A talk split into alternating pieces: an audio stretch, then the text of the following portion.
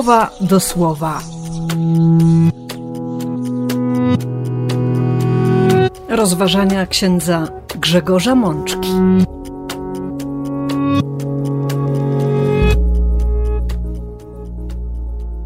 Dwudziesta trzecia niedziela zwykła, rok A.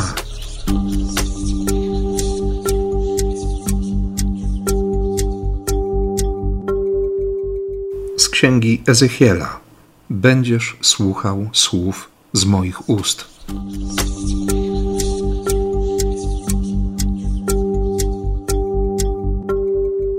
Z Psalmu 95.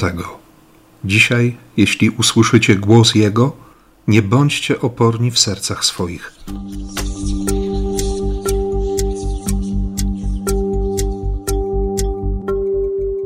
Z listu świętego Pawła do Rzymian. Miłość nie wyrządza bliźniemu krzywdy, a zatem miłość wypełnieniem prawa.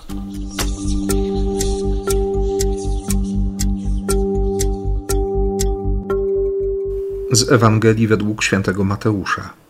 Jeśli dwóch z was na ziemi zgodzi się co do jakiejkolwiek sprawy, by o nią się modlić, to spełni się im za sprawą mojego Ojca, tego w niebie.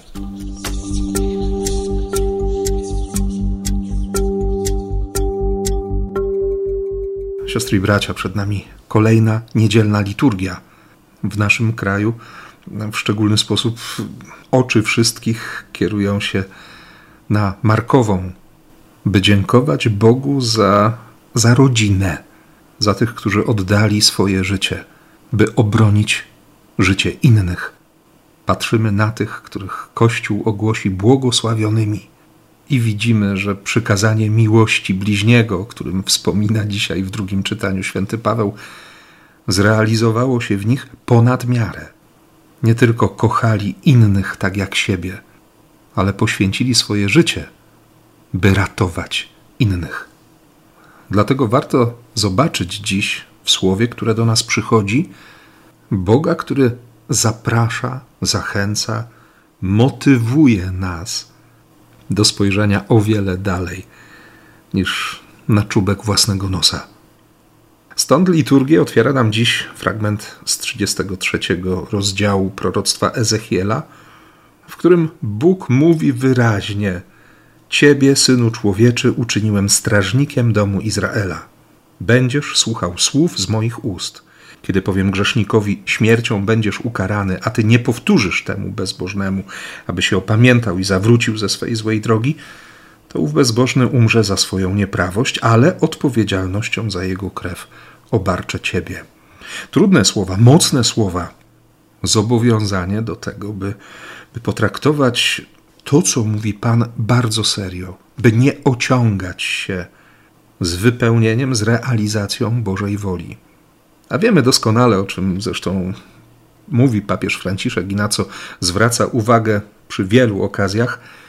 Mamy dziś czasy, które określa Ojciec Święty kulturą niedecyzji. Wielu nie potrafi się zdecydować. Szuka swojego miejsca, szuka swojej przyszłości, drogi swojego życia, błądzi i, i wciąż tkwi w jakiejś niepewności. Czy straciliśmy tę wrażliwość i nie umiemy usłyszeć tego, co mówi Bóg? Czy zbyt mocno odeszliśmy od wiary i, i stawiamy na rozum? Czy wolimy wybierać to, co prostsze, łatwiejsze?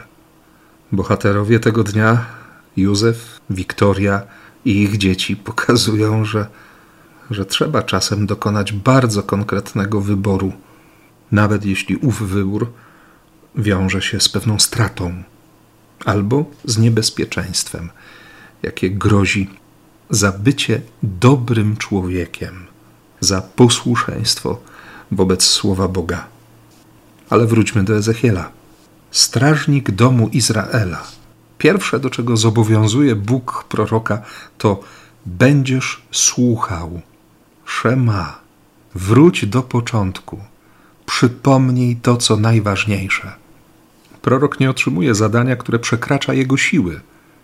Choć wiemy dobrze, że życie Ezechiela bywało często życiem na krawędzi, że polecenia, które otrzymywał od Boga, były absolutnie niezrozumiałe dla jego rodaków na wygnaniu w Babilonie.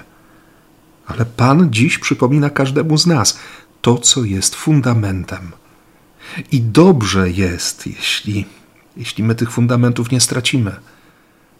Jeśli od czasu do czasu będziemy sobie przypominać, co jest najważniejsze, ażby się chciało dośpiewać dalej, co jest najpiękniejsze i za co warto dać życie.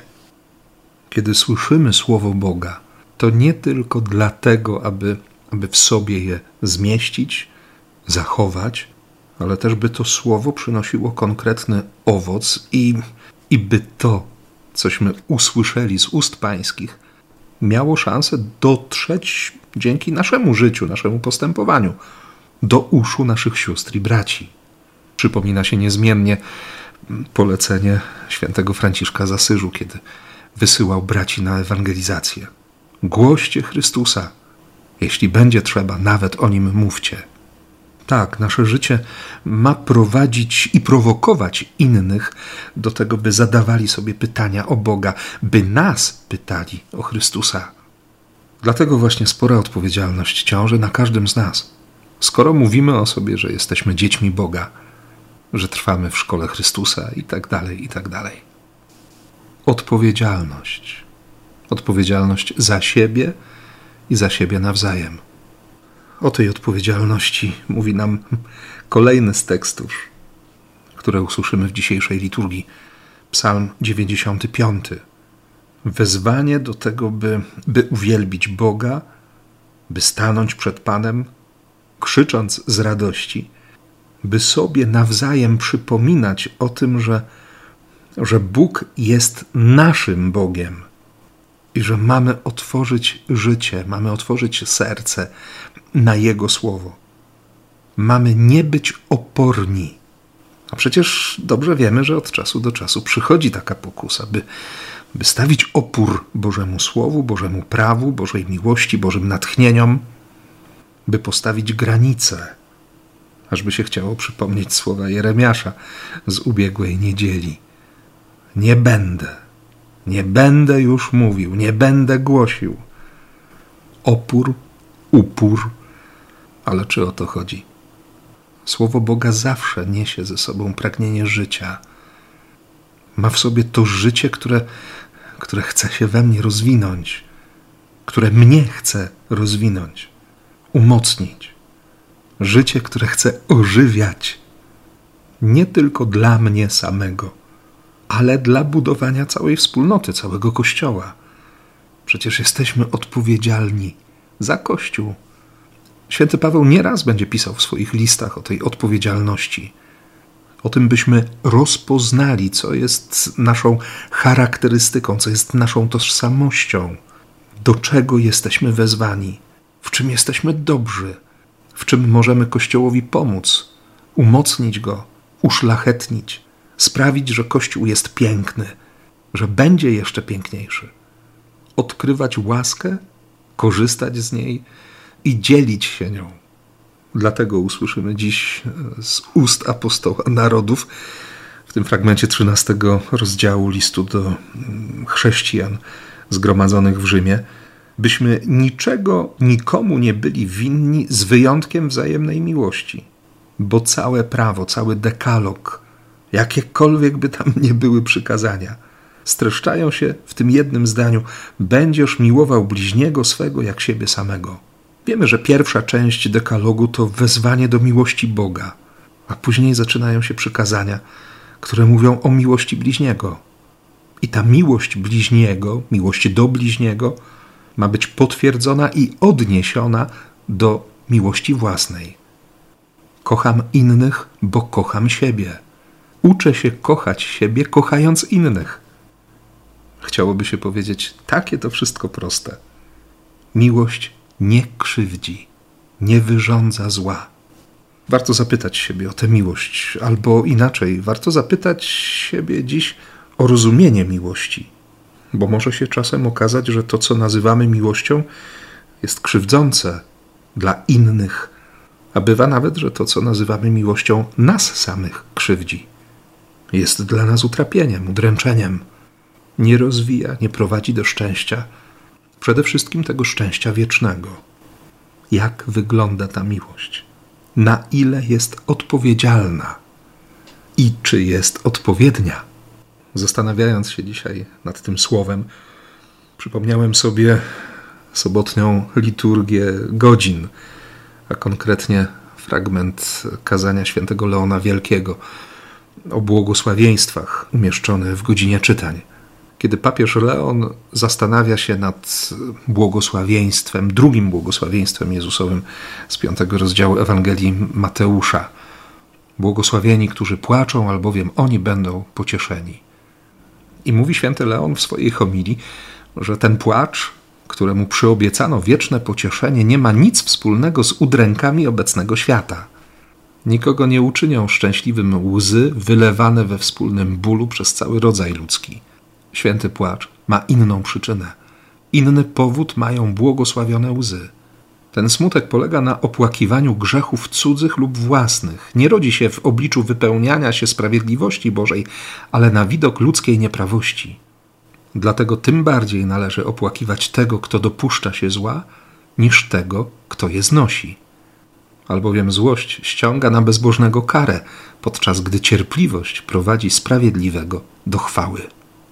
No właśnie, konkretna miłość, która niewiele ma wspólnego z udręką obecnego świata i nie jest szczęśliwą przez to, że cierpi, ale prowadzi do szczęścia dlatego, że wobec cierpienia nie traci swojej tożsamości.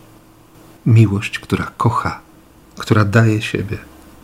To jest miłość, która szuka tego, co jest dobrem, która nie spocznie na laurach, ale będzie mieć wciąż otwarte oczy, po to, by zauważać i wychodzić do tych, którzy jej potrzebują, która się nie zamknie w jakiejś twierdzy i nie będzie się sobie przyglądać, przeglądając się w lustrach i kontemplując swoją wspaniałość, szukając jedynie nowych sposobów, metod i narzędzi do tego, żeby, żeby pokazać siebie w mediach społecznościowych.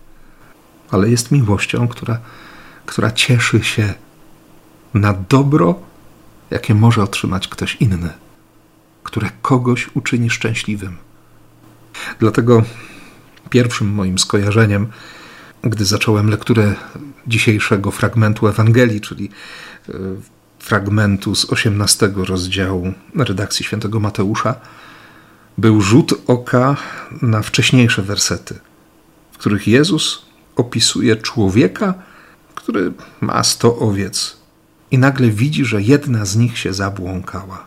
Jezus pyta wtedy swoich uczniów, czy ów człowiek nie pozostawi na górach całe to stado, oczywiście w bezpiecznym miejscu pod opieką pasterzy, i nie pójdzie szukać owcy, która się zabłąkała, a gdy ją znajdzie, doświadcza ogromnej radości.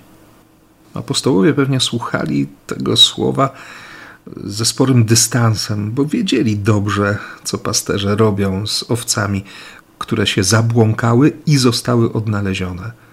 Kiedy w najlepszym wypadku na oczach owiec, które pozostały wierne i nie uciekły, łamano takim nieposłusznym nogi, by przypadkiem nie przyszło już im do głowy opuścić stado. Jezus mówi o owcy, która została zwiedziona, oszukana i wyprowadzona podstępem z trzody. Dlatego tę troskę pasterza, jego wytrwałość w poszukiwaniu i niekłamane szczęście z odnalezienia zabłąkanej owcy, Jezus porównuje do, do nieugiętej woli Ojca Niebieskiego, który nie chce, aby zginęło choćby jedno z tych małych.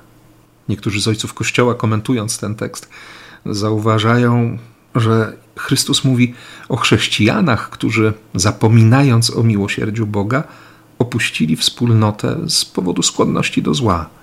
I dlatego te wersy, które dziś słyszymy, są podanym na tacy swoistym instruktarzem, jak postępować wobec tych, którzy zagubieni wybierają życie w grzechu, odłączają się od wspólnoty wierzących. To ciekawe, że tę kolejność upominania z pierwszego fragmentu dzisiejszej Ewangelii, kolejność zaproponowaną przez Jezusa, traktujemy z coraz większą swobodą jeśli mamy kogoś przywołać do porządku, to, to budzi się w nas postawa sędziego. Chcemy strofować, bo przecież my wiemy o tym, co się wydarzyło i znamy wszystkie okoliczności i motywacje człowieka, który zgrzeszył. Jednak Chrystus jest precyzyjny.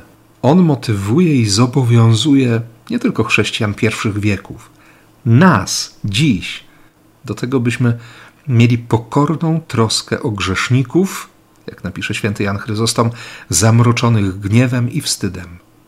Pamiętamy pewnie, siostry i bracia, tę praktykę ojców w pustyni, którzy przed zwróceniem komukolwiek uwagi i daniem zachęty do nawrócenia ze złej drogi, najpierw klękali przed nim, najczęściej w progu jego celi, jego domu, i dopiero z pozycji kolan upominali błądzącego. Jeśli przed kimś klęczysz, automatycznie oddalasz od siebie pokusę wyższości nad tym, który jest winny, ale jednocześnie jest Twoim bratem i Twoją siostrą. Więc wydaje się, że, że wystarczy iść tą drogą, którą zaproponował Jezus. Zwrócić uwagę sam na sam.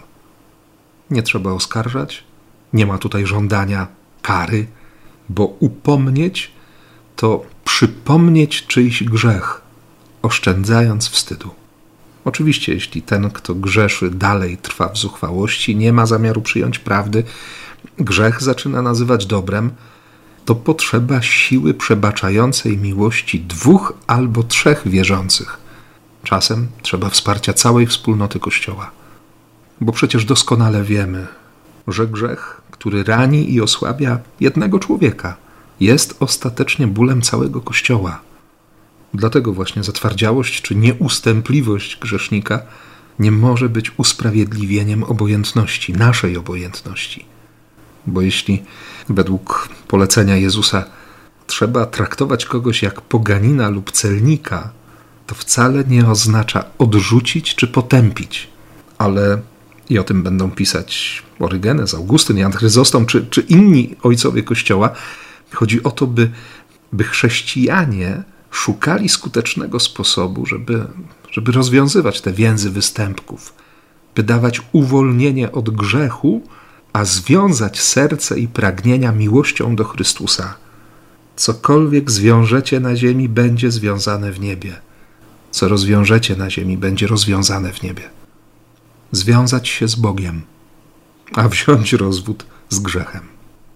Spora to odpowiedzialność. Dlatego właśnie Jezus daje nam i środki, i siły, żeby sprostać temu przykazaniu miłości. Dlatego zapewnia, że jeśli, jeśli zgodzimy się co do jakiejkolwiek sprawy, by razem się o nią modlić, to Ojciec Niebieski wchodzi w tę prośbę z nieprawdopodobną łaską, z intensywnością miłości Boga, bo to On jako pierwszy wypełnia przykazanie miłości wobec całego Kościoła bo to On pierwszy nam okazuje miłosierdzie. On pierwszy przebacza grzechy. On pierwszy kocha i uczy kochać.